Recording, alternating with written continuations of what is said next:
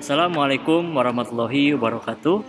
Alhamdulillah pada hari ini pelatihan pendampingan pengembangan micro learning di Universitas Pendidikan Indonesia Tasikmalaya.